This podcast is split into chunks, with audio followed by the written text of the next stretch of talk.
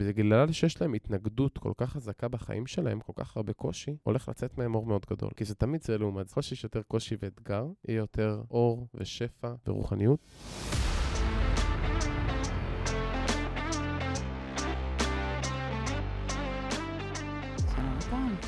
שלום, שלום, מה שלומך, עינת? בסדר גמור, מה שלומך? ברוך השם, הכל מדהים. כיף לארח אותך פה. תודה רבה, כיף להיות פה. אז אתה מטפל, אה, מנחה סדנאות. דיברנו באמת לפני כמה דקות על השליחות שלנו. אנחנו מרגישים כשאנחנו בשליחות שלנו, אז אמרת לי באמת שכשאתה מעביר סדנאות על ביטחון, שהוא לא קשור בסביבה, בנסיבות, ושם אתה מרגיש בשליחות שלך, אז הייתי שמחה שתספר באמת במילים שלך מי אתה ומה השליחות שלך. בשמחה רבה. שמי מתן שקד, אה, אני לומד על פנימיות הנפש, אם זה אימון מנטלי, אימון רגשי, על תת-המודע, שמניזם, בודהיזם, קבלה, פריק של למידה, אפשר להגיד. אה, וזו השבע שנים שאני לומד, חמש שנים שאני כבר מעביר תהליכים, תהליכים אישיים, וברוך השם, אני כרגע, השליחות שלי זה באמת ליצור אחדות. ככה, ככה אני רואה את זה במה שנקרא במקרו. אני רוצה לעזור לאנשים, קודם כל, ליצור אחדות בעצמם, בתוכם. עם השכל שלהם והרגש שלהם והרצון שלהם, שהם באמת יבינו את המשמעות של החיים שלהם ויחיו את החיים במלואם, ולא על טייס אוטומטי כזה, את יודעת שאנחנו קמים בבוקר, קמים לתוך ההרגלים שלנו, לתוך המציאות שאנחנו כל היום בונים לעצמנו שוב ושוב ושוב, ולא בעצם חווים שינוי. כי ברוחניות ובכללי ברגש, אנחנו תמיד צריכים ורוצים להיות בהתפתחות. זה מתחיל כמובן, כמו שאמרת, מהמקום הבסיסי של באמת ליצור ביטחון, לדעת לתת מקום גם למקומות הכואבים שבי, להיות בסוג של מחילה וקבלה כלפי עצמי, קודם כל. מה זה אומר אחדות בתוכנו? איך, איך זה מתבטא כשלמישהו אין אחדות? יפה, קודם כל שאלה מאוד טובה. בתוך כל אדם יש uh, צד זכרי וצד נקבי. כלומר, יש, גם בתוכנו יש השלמה מעבר לזה שיש השלמות במציאות, כמו שאנחנו רואים שמיים וארץ, uh, חושך ואור, יום ולילה, גבר ואישה. אנחנו רואים שהכל בעצם דואלי, אבל הוא עדיין שלם, אותו אחד. אז גם בתוכנו, ואפילו אם אנחנו ניקח את זה לפן הפיזי כדי להמחיש לאנשים שזה יהיה קל לתפיסה, יש לנו במוח שתי צדדים, נכון? יש את הצד הימני, את העונה הימנית, שקשורה יותר ביצירתיות ותת המודע, ויש את העונה השמאלית שיותר קשורה לאנליזיה וחשיבה. ובעצם גם הם יוצרות מעין השלמה.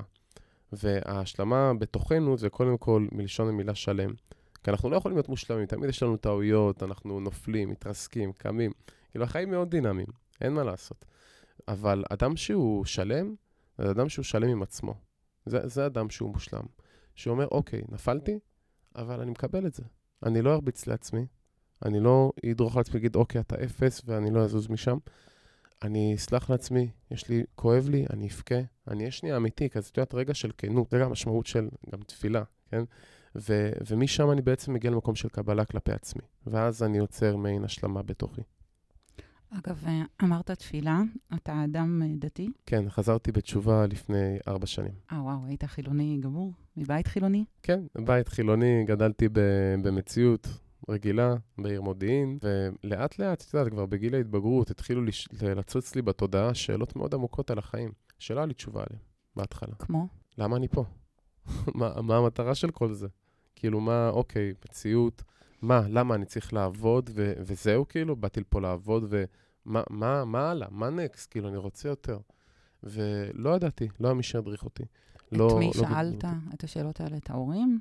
במשפחה? יותר, יותר את עצמי, שאלות שהדהדו בתוכי. זה לא משהו שיותר מדי חוויתי באווירה משפחתית או חברתית. מהמם. למעשה באותה תקופה שהתעוררתי רוחנית, די התנתקתי, כאילו מלמעלה זה קרה, פשוט התנתקתי מכל הסביבה שלי, הייתי לבד. תקופה די ארוכה שהייתי ממש עם עצמי, גם מבחירה, גם ממודעות, ופשוט הרשיתי לעצמי לשאול את השאלות האלה. ובאמת שאלתי ורציתי לדעת וניסיתי לחקור, ולאט לאט הבנתי שאנחנו פה כדי בעצם לממש את האור הנשמתי שלנו. כלומר, את המתנה שבאנו לתת. איך הבנת את זה בתכלס? מה קורה? תתאר לי את התכלס. מה, אתה teenager, אתה יושב בבית ספר בלימודים, בשיעור תנ"ך, אתה נמשך לזה, אתה הולך לבית כנסת בשבת? מה, איך בתכלס מתקרבים וואו, לדעת? האמת, יפה, זו שאלה מדהימה. וזה אפילו לא קרוב. למה שאמרת. אני התחלתי בגיל מאוד צעיר, כמו שאמרתי לך, טיפה, את יודעת, עם השאלות האלה והסקרנות, סתם לכתוב בגוגל, בוויקיפדיה, מה, מה קורה בתודעה, מה קורה במוח, מה קורה שם, מה קורה פה. נסעתי גם בכל מיני חוויות uh, פסיכדליות. הסיבה היחידה שבכלל הלכתי לשם, זה לא, לא משהו שהיה בסביבה שלי, אפילו בקרובה, לא, לא קרוב אפילו. אבל מרוב שלמדתי וחקרתי על, על ההשפעה של המציאות על התודעה שלנו, כל מיני חומרים, אז סקרן אותי, את יודעת, להתנסות, לחוות, לראות איפה אני יכול להגיע. אז בהתחלה חיפשתי את זה בחומר, כי לא, לא ידעתי יותר מזה. אז התנסיתי עם חומרים, חוויתי כל מיני חוויות. אני פשוט רציתי לחוות חוויה מאוד עוצמתית, ולקחתי את האנשים שהכי קרובים אליי, שאני מאוד אוהב, ועשיתי את זה איתם ביחד. אוקיי. Okay. לא במקום, כמו שאמרתי, לא במקום של לחוות איזה משהו הזייתי, או לחוות איזה סאטלה, ממקום באמת של חקירה רוחנית, של לבוא עם שאלה, ולעשות מעין עבודה ולראות איפה, איפה אני מגיע. וחוויתי גם שם, וגם חוויתי חוויות מאוד מאוד דומות, גם לפני זה בחלומות צלולים, אם את יודעת מה זה. לא. זה חלום שבעצם את נכנסת לתוך חלום, ואת מודעת לזה שאת חולמת, ואת יכולה לשנות את החלום בזמן שאת חולמת. וגם זה משהו שאת יכולה להגיע אליו אם את לומדת את הדברים הנכונים ויוצרת uh, הרגלים נכונים. חלומות צלולים? כן, לוסיד דרים קוראים לזה, וזה תחום מרתק בשמניזם. יש שיר כזה. נכון. אז, אז זה תחום שקשור לשמניזם. גם, ה, גם החוויות האלה, למעשה, מאיפה הגעתי אליהם ולמדתי עליהם בגוגל, שלמדתי על תרבות השמניזם. והאינדיאנים, למעשה כבר באזור העשרת אלפים שנה, משתמשים בחומרים כדי להגיע למצבי תודעה מורחבת, אה, בריקוד, בעזרת חלומות צלולים. יש כל מיני שבטים עם כל מיני מסורות שונות. אז חקרתי את התחום הזה. חקרתי את העניין גם של המדיטציות, של הבודהיזם, ומה שמצאתי מדהים, זה שהתודעה שלנו היא בעצם, את יכולה לדמיין את המוח כמו מעין פילטר, אוקיי? תחשבי שתמיד יש פה אור, אור אינסופי שאנחנו לא רואים אותו בכלל. אנחנו רואים רק 4% מהוויברציות אור הקיימות. מוכח, מדעית, אוקיי? וברגע שאנחנו בעצם מבינים שהמוח הוא פילטר שמצמצם את חוויית המציאות לרמה החושית, לחושים שלנו, רק כדי שנוכל לקלוט את החומר, mm-hmm. אוקיי? אז הוא בעצם מפלטר לנו כדי שנוכל להיות בתוך גוף ממשי חומרי, אבל התודעה שלנו עצמה היא חלק מהאינסוף. היא נשמה. היא הנשמה שלנו, היא חלק, כתוב אלוקה ממעל ממש. כלומר, היא חלק מכל המציאות כולה. זאת אומרת שמעבר להיותי גוף במציאות החומרית, תוכי יש נשמה אינסופית. כי התודעה שלנו היא אינסופית. בגלל זה תמיד את רואה אנשים שרוצים עוד. למה אין לנו שובע? כי הרצון שלנו הוא בלתי נגמר. אנחנו, זה פשוט אדם שיש לו רצון, והרצון הזה מנווט אותנו בחיים. את רוצה לעשות פודקאסט, את תמצאי מה שאת רוצה, את תחשבי איך לעשות, את תרגישי את זה בלב, תתחילי לזוז וזה יקרה. אנחנו בעצם הרצון שלנו. אז זאת השאלה באמת העיקרית, זה איפה הרצון שלנו נמצא. כי הרצון שלי הוביל אותי לחקירה הזאת ולהביא את עצמי להרבה הרבה מצבים מאוד עוצמתיים. ברגע שאתה מתפלל גם בתפילה, כשאתה, אני עושה את התפילות שלי, את יודעת, לא ככה קורה טה-טה-טה-טה-טה-טה-טה-טה. כאילו, אני לא, זה לא תפילה מבחינת... אני נושם, אני מתחבר, אני מרגיש את המילים, את האותיות, אני מכניס את זה עמוק ללב שלי, ושם, קורה כאילו, מה שנקרא, הירידת קומה הזאת, שאני כביכול מרומם את המציאות, ואני אומר תודה על הכל, כמה הכל מופלא וכמה הכל מדהים. ובמקום הזה שאני מוריד את עצמי, יש לי מקום לגלות עוד אור במציאות. כלומר, אני יכול להכניס עוד אלוקות לחיים שלי.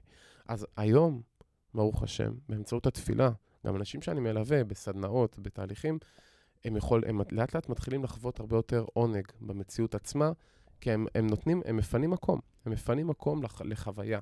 לא במקום של אני יודע ואני עושה ואני רוצה. רגע, אתה לא יודע כלום, אתה לא רואה כלום. בוא תגיד שנייה תודה. תבין, תסתכל על המציאות מלמעלה ותבין כמה אתה קטן. ושם אתה יכול לגלות חוכמה אמיתית. בגלל זה כתוב חוכמה מעין תמצא. מעין, כלומר מכלום. מכלום. מביטול. אתה אומר, הרצון שלנו הוא אינסופי, שאנחנו לא יודעים שובע. איך אנחנו אז כן יכולים להתמודד עם זה? כי זה נכון, יש לפעמים uh, בחברות גדולות, אני זוכרת את זה מחברה שאני עבדתי בה, שהאג'נדה הייתה שלטוב מתרגלים מהר, ולכן אין סיבה להעלות את השכר כל הזמן, כי זה, זה יהיה מעגל כזה שהוא בלתי נגמר. כי עכשיו תקבל עוד אלף שקלים במשכורת, אבל אתה כבר תתרגל לזה, אז עוד חצי שנה אתה תבוא ותבקש עוד אלף שקלים, אתה תתרגל ואתה תבקש אלפיים. אתה לטוב הזה תתרגל מהר. נכון. אז איך באמת שמים סוף ל- לרצונות האלה, לרעב הבלתי נגמר? יפה. אז זה, בעל הסולם הסביר את זה הרבה יותר טוב ממני. הוא אמר, קודם כל, הרצונות, את יכולה לראות את זה במציאות עצמה. כמו שיש דומם, יש את השולחן, יש צומח, שהוא צריך יותר מדומם, נכון? הוא צריך שמש ומים. Mm-hmm. חי, חיה, צריך גם uh, כבוד, להזדווג, אה, בית, הוא כבר יש לו צרכים יותר גדולים. והדרכה הרביעית הכי גבוהה זה המדבר. שהמדבר זה אנחנו, ואנחנו רוצים הכל. אנחנו רוצים הכל. אבל מה הקטע? שזה תמיד זה לעומת זה. כלומר, אם יש לי עכשיו רצון אינסופי לעוד ועוד משכורות ועוד כסף ועוד, כאילו אני רוצה עוד, אז אני כל היום ארדוף אחרי עצמי. אבל אם אני לוקח את הרצון האינסופי הזה, ואני לא מבטל אותו, אני לא עוצר אותו, אלא אני מנווט אותו לכיוון הנכון. אז מה הכיוון הנכון? להיות ברצון שהוא יעשה גם לך טוב וגם לאחרים. כלומר, רצון שייטיב לעולם כולו. כלומר, אני עכשיו רוצה מיליארד דולר, לא כדי שיהיה לי ארבע למבורגיני בחנייה. אני רוצה את המיליארד דולר האלה כדי לשנות את העולם, כדי לעזור לאנשים להתחבר יותר ללב שלהם ולעצמם, ולחיות ממקום הרבה יותר אותנטי ואמיתי. כי אנחנו בעידן חדש, המציאות מתפתחת בקצב מאוד מהיר. וזה מה שאני שם נגד עיניי. העתיד של האנושות, של, ה, של ההוויה שלנו, הרמה הבאה של ההתפתחות. וברגע הזה אני הופך את הרצון שלי מרצון לקבל על מנת לקבל לעצמי. בעל הסולם אומר, זה נכון כתוב, למחוא את זכר עמלק, כתוב בתורה. אז מה זה עמלק? על מנת לקבל. הרצון שלי לקבל על מנת לקבל לעצמי, זה העמלק שבי, האגו הזה שנמצא בתוכי. ואותו אני צריך למחוא. אז מה התיקון? לרצון לקבל על מנת להשפיע. כלומר, תרצי שפע, גם ברוחניות, גם בחומריות. שפע אינסופי, זה טוב, אין בעיה. אבל לא רק לעצמך. מעניין. איך בעצם הדעת, זה שאתה עכשיו בעצם בן אדם אה, דתי ומאמין, מתחבר עם בודהיזם, עם שמניזם, זה עובד ביחד? את המסע שלי נתחלתי מהשמניזם והבודהיזם, את המסע שלי בחיפוש של הרוחניות. כשנחשפתי לחוכמת הקבלה, שמתי לב איך יש כל כך, כל כך הרבה במשותף. בין אם זה בא לידי ביטוי, הבודהיסטים עושים אה, מדיטציות, בקבלה המקובלים קראו לזה, ועדיין קוראים לזה, התבוננות פנימית. כלומר, גם האנשים הבאמת הקדושים, שהיו קיימים גם לפני מאות שנים, הם היו עומדים במקום שעה שלמה, או יושבים שעה שלמה לפני כל תפילה, להכין את ליבם למקום. כלומר, מתבוננים פנימה ועושים תהליך פנימי מאוד מאוד חזק. העניין הזה של הנוכחות בהוויה, שזה גם שם השם, שם ההוויה, בא לידי ביטוי גם בבודהיזם וגם בשמניזם. השמניזם, הם uh, מדברים גם עם, ה, עם כל המלאכים שקשורים למציאות, לבריאה. גם בקבלה ובתורה זה לא סותר. יש, על כל דבר יש מלאך. מלאך זה בעצם, אנשים לפעמים מדמיינים, את יודעת, בן אדם עם כנפיים, מלאך. אבל מלאך זה למעשה מערכת אור, מערכת של אנרגיה מסוימת שמפעילה את הכוכב, את השמש, את האדמה. מלאך זה בעצם שלוחת אנרגיה שיש לה תפקיד מסוים. זה כמו רובוט, זה לא, פשוט, הוא לא יכול לבחור בין טוב ורע, הוא פשוט טוב, כן? הוא פשוט עושה את התפקיד שלו. אז הם גם uh, מדברים עם, כביכול עם האורות האלה, כאשר אנחנו בתור יהודים, בתור ישראלים, צריכים לדבר נטו יש אליו, ישירות אליו בלי, בלי תיווך. בגלל זה קוראים לנו ישראל, זה ישר אל. לדבר איתו ישירות. ו... אבל עדיין, זה לא אומר שהם לא קיימים, והם גם מאמינים באל אחד, אוקיי? כלומר, יש הרבה מכנים משותפים, פשוט זה הכל עניין של דיוק. אצלי לפחות, מה שהביא אותי גם לחזור בתשובה, ששמתי לב לכמה הקבלה מדויקת, ברמה שלא יכולתי לתאר לעצמי, כי דברים שאני חווה ברוחניות שלי, הגיעו מהלב שלי בהתחלה. את יודעת, אני חוויתי את זה. אני לא צריך uh, ללמוד את זה מאיזה ספר. מה למשל? Uh, כמו שאמרתי לך קודם, ההוויה הזאת של האחדות, של, של זה ש, שאני פה נטו בתור צינור. כלומר, אני ברגע שאני נטו כלי להעברת המסר, להעברת האור, אני חלק מהכל. ו- וזאת אחת התובנות החזקות ביותר שגרמו לי להבין שהמציאות הזאת היא רוחניות מוחלטת. כלומר, גם זה שהגוף הזה הולך, אני לא הולך, אני מתגלגל. אני ממשיך לחיות. יש את חוק שימור האנרגיה. כמו שהעצים והיער, הם כולם פועלים במחזוריות, גם אנחנו, אותו דבר בדיוק. זה פשוט שינה לי את החיים. מאותו רגע הבנתי מה אני צריך לעשות פה, הבנתי שקיבלתי מתנה, עצם זה שהבנתי את זה מהלב שלי. ואחרי שאני מבין את זה בלב, תחשבי איזה מדהים זה, את יושבת קוראת ספר, זה הספר הראשון שקראתי, שגם החזיר אותי בתשובה, מסילת ישרים. אני קורא אותו, וכל כך הרבה דברים שחוויתי בתוכי, במדיטציות, בחלומות, בהכל, פשוט כתובים אחד לאחד. דברים שאני כתבתי וכבר התחלתי לפרסם, פתאום כתוב אותו דבר בדיוק, אותו אפילו תיאור ומשל, רק בצורה יותר עמוקה ומפורטת. אתה יכול להרחיב על הספר? סליחה על הבורות, אבל מה זה אומר מסילת ישרים? בשמחה. אה, מסילת ישרים זה ספר שכתב הרמח"ל. ספר אין לי, אין לי, קשה לתאר אותו מרוב שהוא מדויק וגבוה. הוא בעצם מדבר, זה ספר של עבודה על המידות. כלומר, בעצם, איך להגיע לרמת מוסר מאוד מאוד גבוהה. ברמה שלא לא לפגוע בנמלה הזאת שהולכת פה, ו- ולא לפגוע אפילו בטעות במישהו, אה, לא משנה מה אני חושב או מרגיש, איך אני כמה שיותר אמפתי ובהכלה ובאהבה כלפי הזולת. ובאותה תקופה שהוא חי, הרמח"ל, אסרו אלימות קבלה. העם לא היה מוכן לזה. היום זה שונה, היום כולם צריכים ללמוד כבר מגיל תשע. אז היום זה דור טוב ללמוד קבלה. אבל אז אסרו על זה, והוא ידע שהוא חייב להפיץ את הקבלה, שהוא למד, שהוא יודע גם מהתובנות ומההבנה שהוא קיבל. והוא הסתיר את הקבלה בתוך הספר. כלומר, יש שם הרבה רמיזות לדברים מאוד עמוקים שקשורים למערכת הספירות. אני לא רוצה להרחיב על זה יותר מדי, כי זה ישלח אותנו למקום אחר לגמרי, שיכול לקחת גם 80 שעות, כן? אז, אבל זה ספר שקראתי אותו שבע פעמים כבר, עד היום, וכל פעם אני, אני מבין כמה אני לא מבין. אני אבין אותו? זאת אומרת, אני, בן אדם uh, רגיל במרכאות יבין מה מדובר שם, הוא יתחבר לזה, זה לא ירגיש לו כאילו זה מונחים בשפה מאוד uh, גבוהה, או מופשטים, אמורפיים. יפה. אז uh, קודם כל, הספר הזה, בדרך כלל יש אותו עם פירושים. אני אז קרא, אני קורא אותו, קראתי אותו ללא פירושים, זה, זה עברית. כן, כן אפשר להבין את זה, זה כן שפה יחסית גבוהה. Uh, אבל כמו שאמרתי, העניין הזה שזה בא מהלב, שאתה כאילו אומר, אני רוצה לחוות יותר אחדות, אני, אני רוצה להתפתח, ואז אתה פתאום מגיע להבנות ולתובנות ביישום שלך בחיים, בלב שלך, אז ברגע שאתה לומד גם את הספר הזה, או כל ספר או ידע אחר, הלמידה הזאת היא בלב שלך. והעבודה הזאת שאת עושה שם, שאת קוראת ואת מנסה להשתפר, זה העבודה שבלב. וזה בדיוק ההבדל בין עבודה רוחנית אמיתית לעבודה זרה. מה זה עבודה זרה? זה אומר שאני עושה משהו, אני קורא את התפילה מהסידור, אני עושה דברים, אבל זה זר לי. זה לא, אני לא מרגיש בלב רטטים, אני לא מרגיש ש, שאני צריך להשפיל את עצמי, אני לא מרגיש שיש מישהו מעליי, אני לא מרגיש שיש פה משהו שהוא יותר גדול ממני.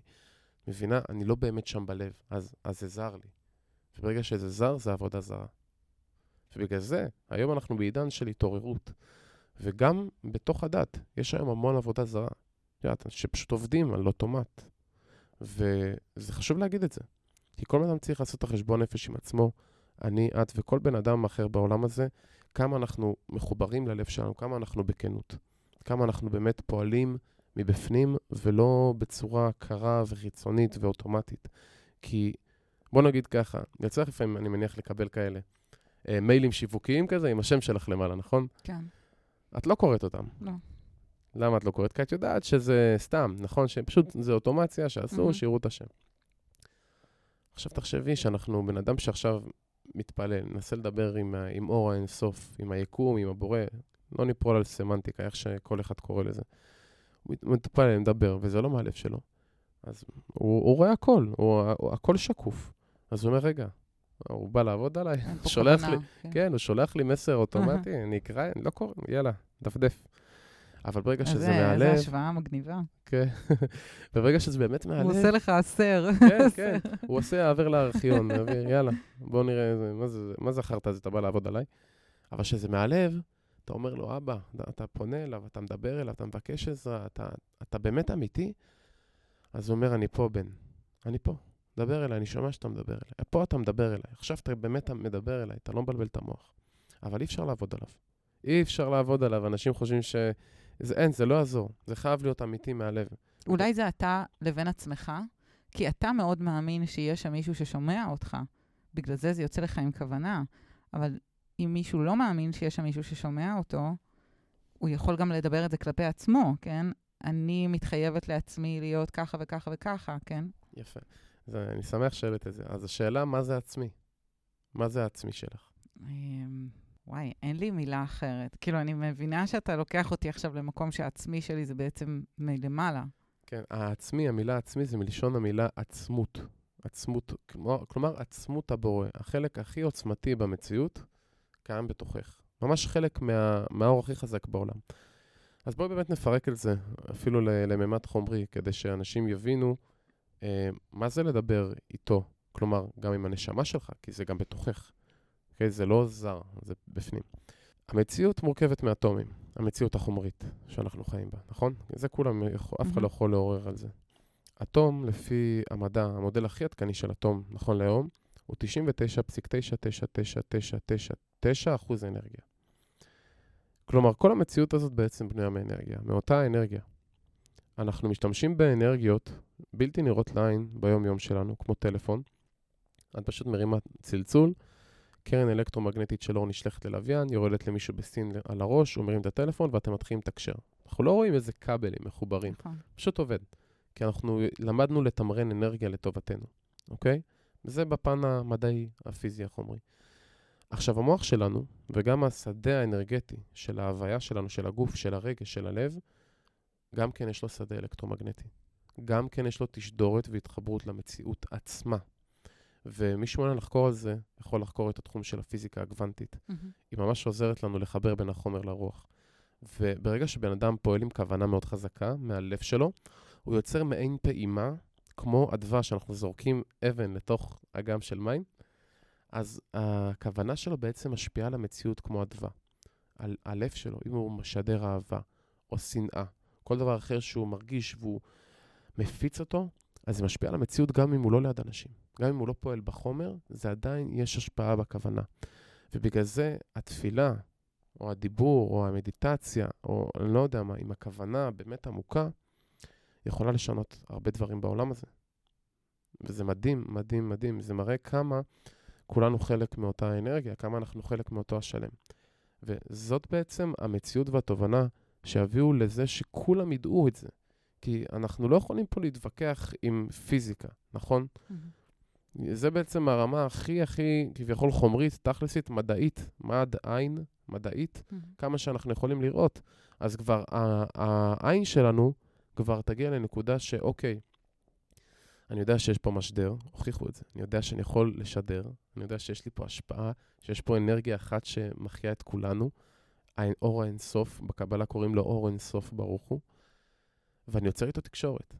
כל רגע, דרך כל בן אדם, דרך כל סיטואציה, אני, אני, אני, אני רואה אותו, אני אוהב אותו, אני רואה את הטוב שבתוך כל אדם. שבתוך הסביבה שלך בטח מכירה כבר את האג'נדה שלך ואת האמונות שלך ואת מה שאתה עושה, אני מתארת לעצמי, נכון? משפחה, חברים, לא כולם. לא, באמת? כן. אה, כי זה נושא שמאוד מאוד עמוק, ויש כלל מאוד ברור ברוחניות, וזה אין כפייה ברוחניות. כלומר, אני לא יכול להתחיל לפתוח דברים מאוד עמוקים אם את לא פה שואלת אותי אותם, מהמם. כי זה, זה בעצם כמו ל- לכפות, קוראים לזה בחינת אונס. כאילו, אני בא ויותר מדי דוחף לבן אדם לשכל, את האמונה מהמם. שלי, את התפיסה שלי. לא משנה כמה היא מבוססת, אמיתית ומחוברת, זה, זה, זה לא משנה, אני לא יכול לבוא ולשפוך אותה על בן אדם שאין לו כלי להכיל את האמונה שלי. אז נגיד השתנ... הסביבה שלך השתנתה בשנים האחרונות? אה, כן, חד משמעית. חד משמעית, אני שיניתי את הסביבה שלי 180 מעלות. אני ב... נשתף אותך וגם את הצופים, שבגיל 12 התחלתי לעשן סיגרות ולשתות אלכוהול, בגיל 14 התחלתי לעשן מריחואנה. אה, רוב היום ברחוב, או עובד, או מסתובב עם חברים, כאילו, בסביבה הכי, בוא נגיד, שלילית, שאת יכולה לדמיין. סליחה. אה, ופשוט עברתי תהליך מאוד מאוד עוצמתי, ששינה לגמרי את ההשקפה שלי על המציאות. התחלתי לדבר עליה, את יודעת, כי אתה באוטומט שלך, כמו שאת אומרת, משתף. מהמם. לא היה להם כלים להכין את זה, להכיל את, ה, את מה שאני אומר להם. ומה קורה כשבן אדם אומר, טוב, רגע, מה זה גדול עליי? הוא לא מצליח לתפוס את מה שאתה אומר. מבחינתו אתה משוגע. כי אתה מדבר דברים שלא תואמים והוא לא מצליח לתפוס אותם. אז במקום מסוים, פשוט החוסר התאמה של מחנה משותף ביני לבין הסביבה שהייתה לי, פשוט נתקע בינינו. את יודעת, ברגע שאתה לא מעשן, ואתה בסביבה של מעשנים, לאט לאט התדר מתחיל להשתנות, לא משנה מה. והתנתקתי לגמרי מהסביבה, כמו שאמרתי לך. אה, הכרתי אנשים חדשים, אה, הכרתי את אשתי, ברוך השם. אה, איפה? התחתנו, הכרתי אותה בחוף געש. סתם ככה? חוף הים? כן, אה, חבר שלי הזמין אותי לשבת עם ממש אחותה הקטנה של אשתי, הייתה חברה שלו בזמנו. וגם אחותה וגם אשתי הייתה שם, אז הוא הזמין אותי להצטרף אליהם. וככה עשינו קמפינג שם על החוף. והכרנו באותו לילה. והשאר היסטוריה. היא דתייה? היא- שתינו התחזקנו ביחד. היא לא הייתה דתייה. היא הייתה, אומרת, היא, כאילו כן שמרה שבת, אבל היא לא. הייתה דתייה דתייה.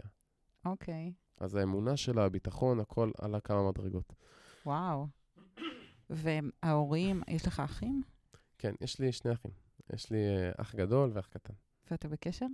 ברור, ברור. אני, תשמעי, אני יכול להגיד לך, אחת התובנות הגדולות שהגעתי אליהן בחצי שנה האחרונה, כאילו, זה, כלומר, זה משהו שידעתי, אבל עכשיו אני במוחש מרגיש את זה, שההתפתחות הכי חזקה זה דרך המשפחה. למה?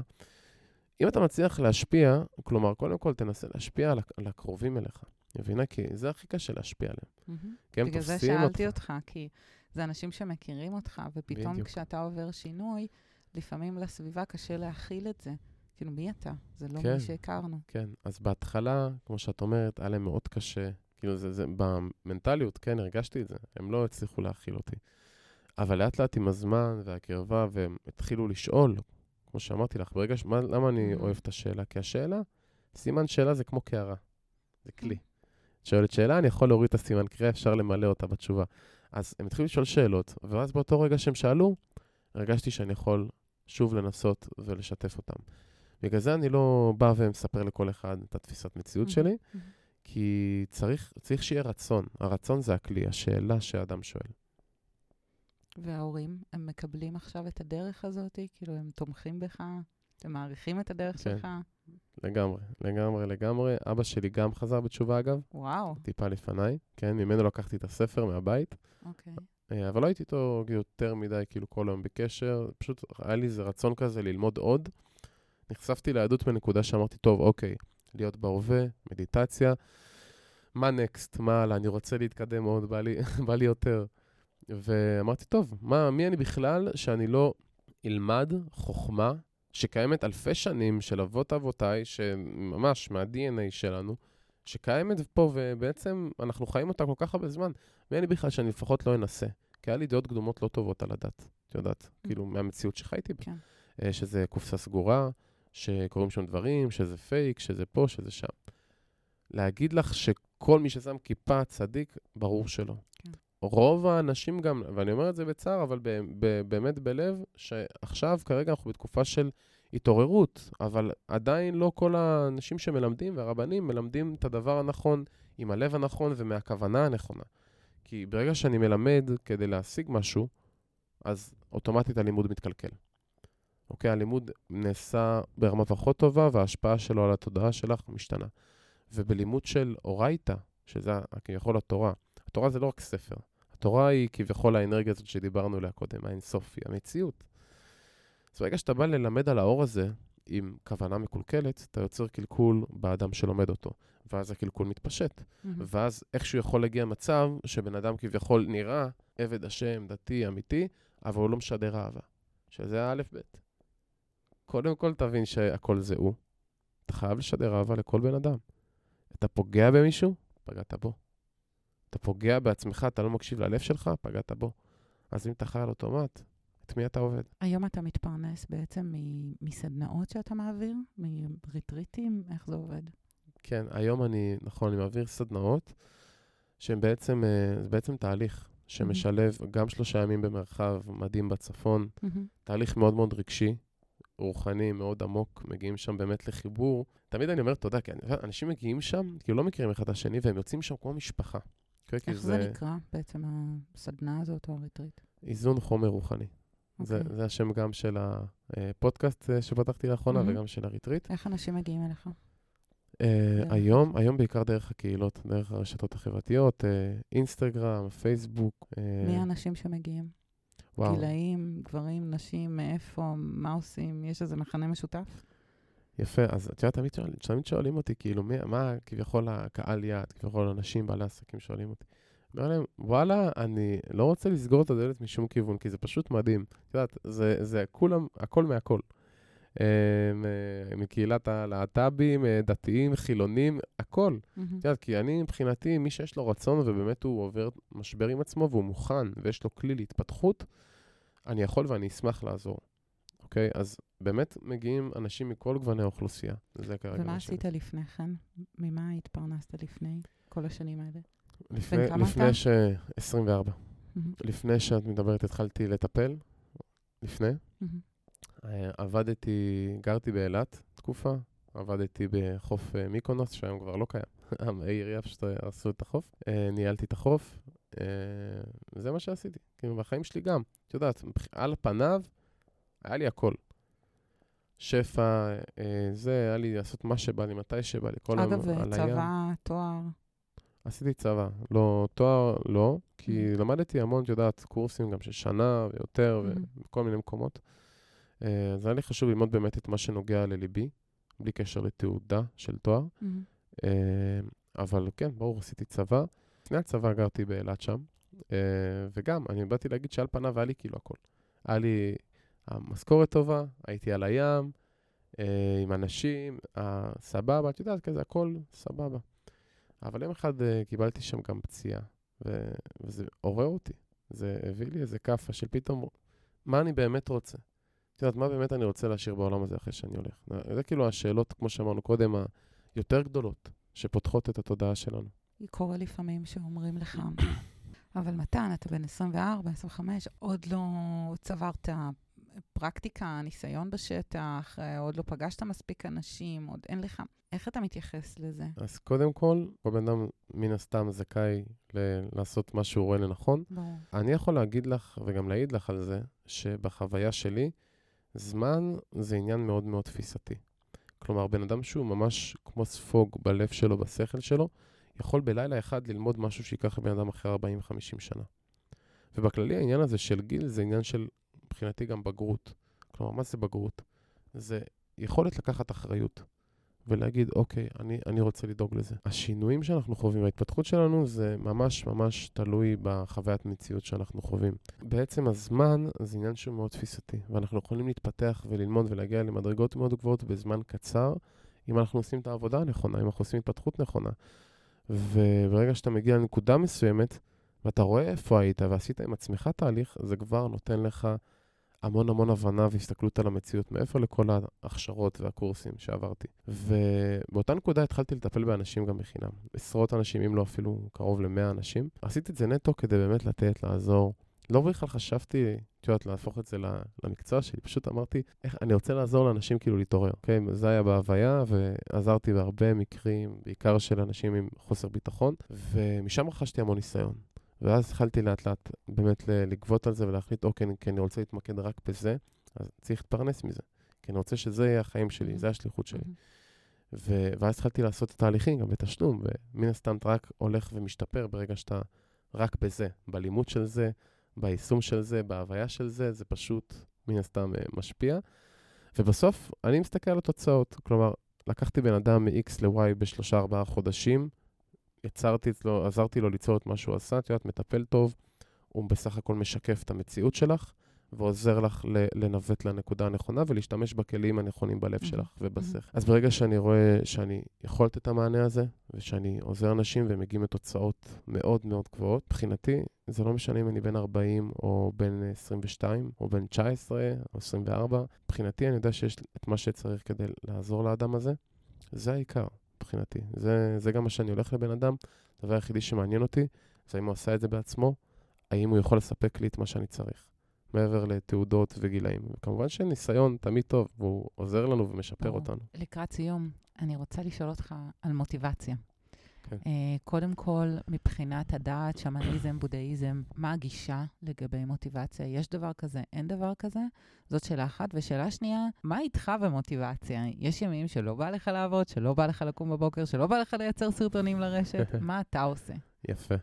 בכיף. אז קודם כל, מוטיבציה זה דבר מאוד מאוד עוצמתי. קבלה קוראים לזה מוטיב פעורר. כלומר, אנרגיה שבעצם תדחוף אותך קדימה. כלומר, מה, מה, מה את מרוויחה פה? Mm-hmm. מה, מה נותן לך את ה... העונג הזה שפתאום דוחף אותך קדימה. אוקיי, שאני mm-hmm. רוצה, המטרה שלי זה להגיע ל-X, ואת רואה את זה ומדמיינת את זה, ו- וזה בעצם האנרגיה שדוחפת אותך. אז זאת אנרגיה מאוד מאוד טובה, שאנחנו צריכים לשים נגדנו. איך? לשים לעצמנו מטרות, אפילו מטרות קרובות, ו- ולראות את זה מתגשם, ולהאמין בזה בלב שלנו, כאילו לחבר את זה אלינו. זה ייתן לנו המון מוטיבציה להבין, אוקיי, איפה אני נמצא, איפה אני רוצה להיות ולהתקדם. אני מאוד בעד, אני עושה הרבה דברים כדי לחזק את המוטיבציה, בין אם זה תרגולים רוחניים של מדיטציה, התבודדויות, צ'יקונג, זה, זה בעצם מחבר אותי, כמו שאמרתי לך, לכוונה הנכונה, ואז יוצר לי, זה ממש מנוע של מוטיבציה. שמפריש הרבה דופמין וסרוטונין בתודעה. אז זה משהו שאתה עושה בלונג רן, זאת אומרת, אתה עושה את זה כתחזוקה. את הצ'יקונג, את המדיטציות וכל זה.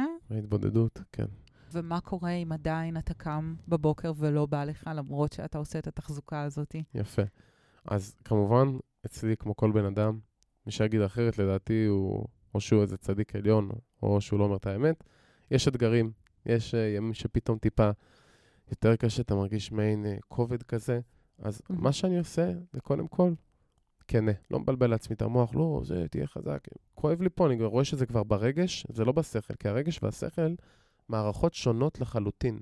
וזה הדבר הכי חשוב לדעתי כרגע שצריך להבין. אנשים אומרים, טוב, אני אחשוב טוב, יהיה טוב. ברור, זה טוב לחשוב טוב ויהיה טוב. אבל אם אתה מרגיש את זה בלב, דרושה פה עבודה רגשית של שחרור. אז אם אני מרגיש את הכובד הזה, אני משחרר, אני נותן. כמו emotion באנגלית, E זה energy, motion זה תנועה. כלומר, זה אנרגיה בתנועה.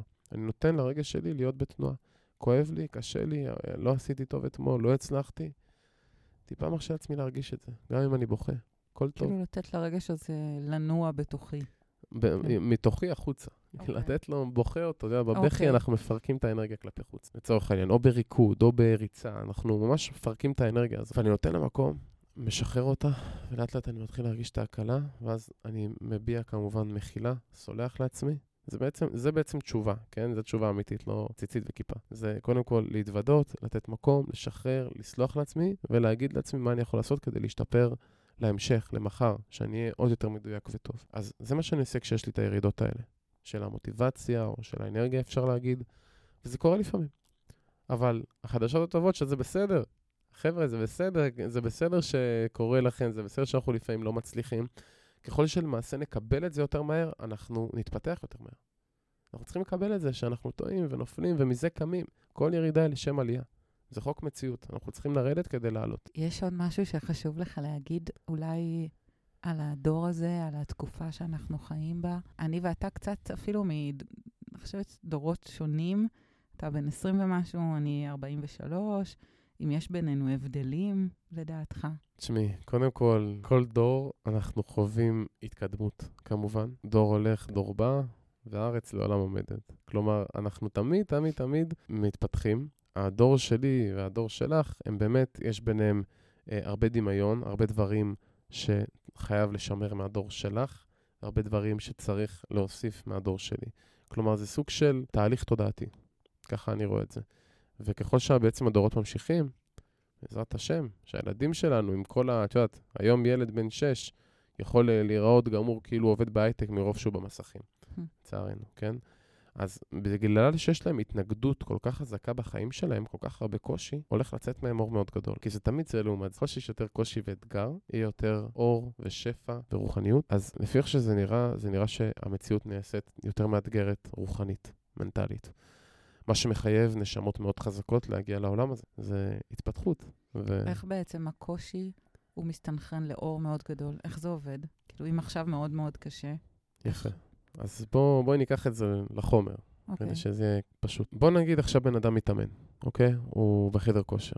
הוא כבר מרים את המשקולת של השמונה קילו, כבר קל לו, קליל, mm-hmm. זורם, הכל טוב. אז בואו ניקח את זה לאתגר מסוים שבן אדם חווה, אוקיי? יש לו איזה, אני לא יודע מה, אתגר עם אח שכל הזמן uh, צועק עליו. אז עושה עם עצמו עבודה פנימית, לומד לא לקחת ללב, להיות טיפה קרוח ולהכיל אותו, אז כבר נהיה לו סבבה, אוקיי, שמונה קילו, יאללה, מגניב. אז רואים שנהיה לו סבבה, אומרים, אוקיי, המציאות הזאת זה בעצם תהליך רוחני שאנחנו לאט לאט נעשים יותר ויותר טובים. וככה אנחנו בעצם חווים יותר עונג. אז רואים אותו זורם עם השמונה, אומרים, אוקיי, מעולה, בוא ניתן לו עשר. ואז פתאום טאק, פתאום אתגר חדש, פתאום קושי אחר. ואז פתאום נהיה לו עוד פעם קשה.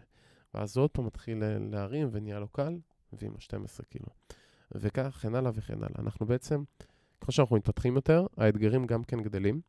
אבל זה לא לרעתנו, זה לטובתנו, זה כדי שהשריר יגדל, וברגע שהשריר גדל, התפיסה שלכם והנשמה שלכם וכל מי שאתם ומה שאתם עולים מדרגה. אז זה פשוט, כל המציאות הזאת היא הטבה אחת גדולה, גם שקשה לנו לראות את זה לפעמים. וואו, מתן, תודה רבה לך. איך אפשר להגיע אליך? תכלס הכי טוב באמת לפנות למספר שלי, 052-384-0181.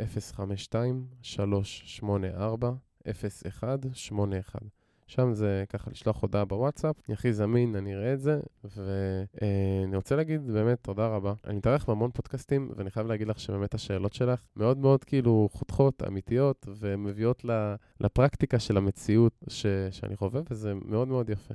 ומאוד. נהניתי, תודה רבה רבה. וואו, תודה רבה לך. כיף לשמוע. אז אם נהניתם, באמת אני אשמח אה, גם שתלחצו על הפולו וגם שתדרגו אותנו בחמישה כוכבים. גם למתן יש פודקאסט שנקרא איזון רוחני. איזון חומר רוחני. איזון חומר רוחני, סליחה. כן. אז אתם מוזמנים uh, להאזין גם לפודקאסט שלו, וכמובן לדרג ולעקוב, כי בעצם זאת התמורה שלנו. ככה אנחנו uh, זוכים באמת להפיץ את, ה, את הבשורה. וזהו, תודה רבה. תודה רבה רבה. יום מבורך.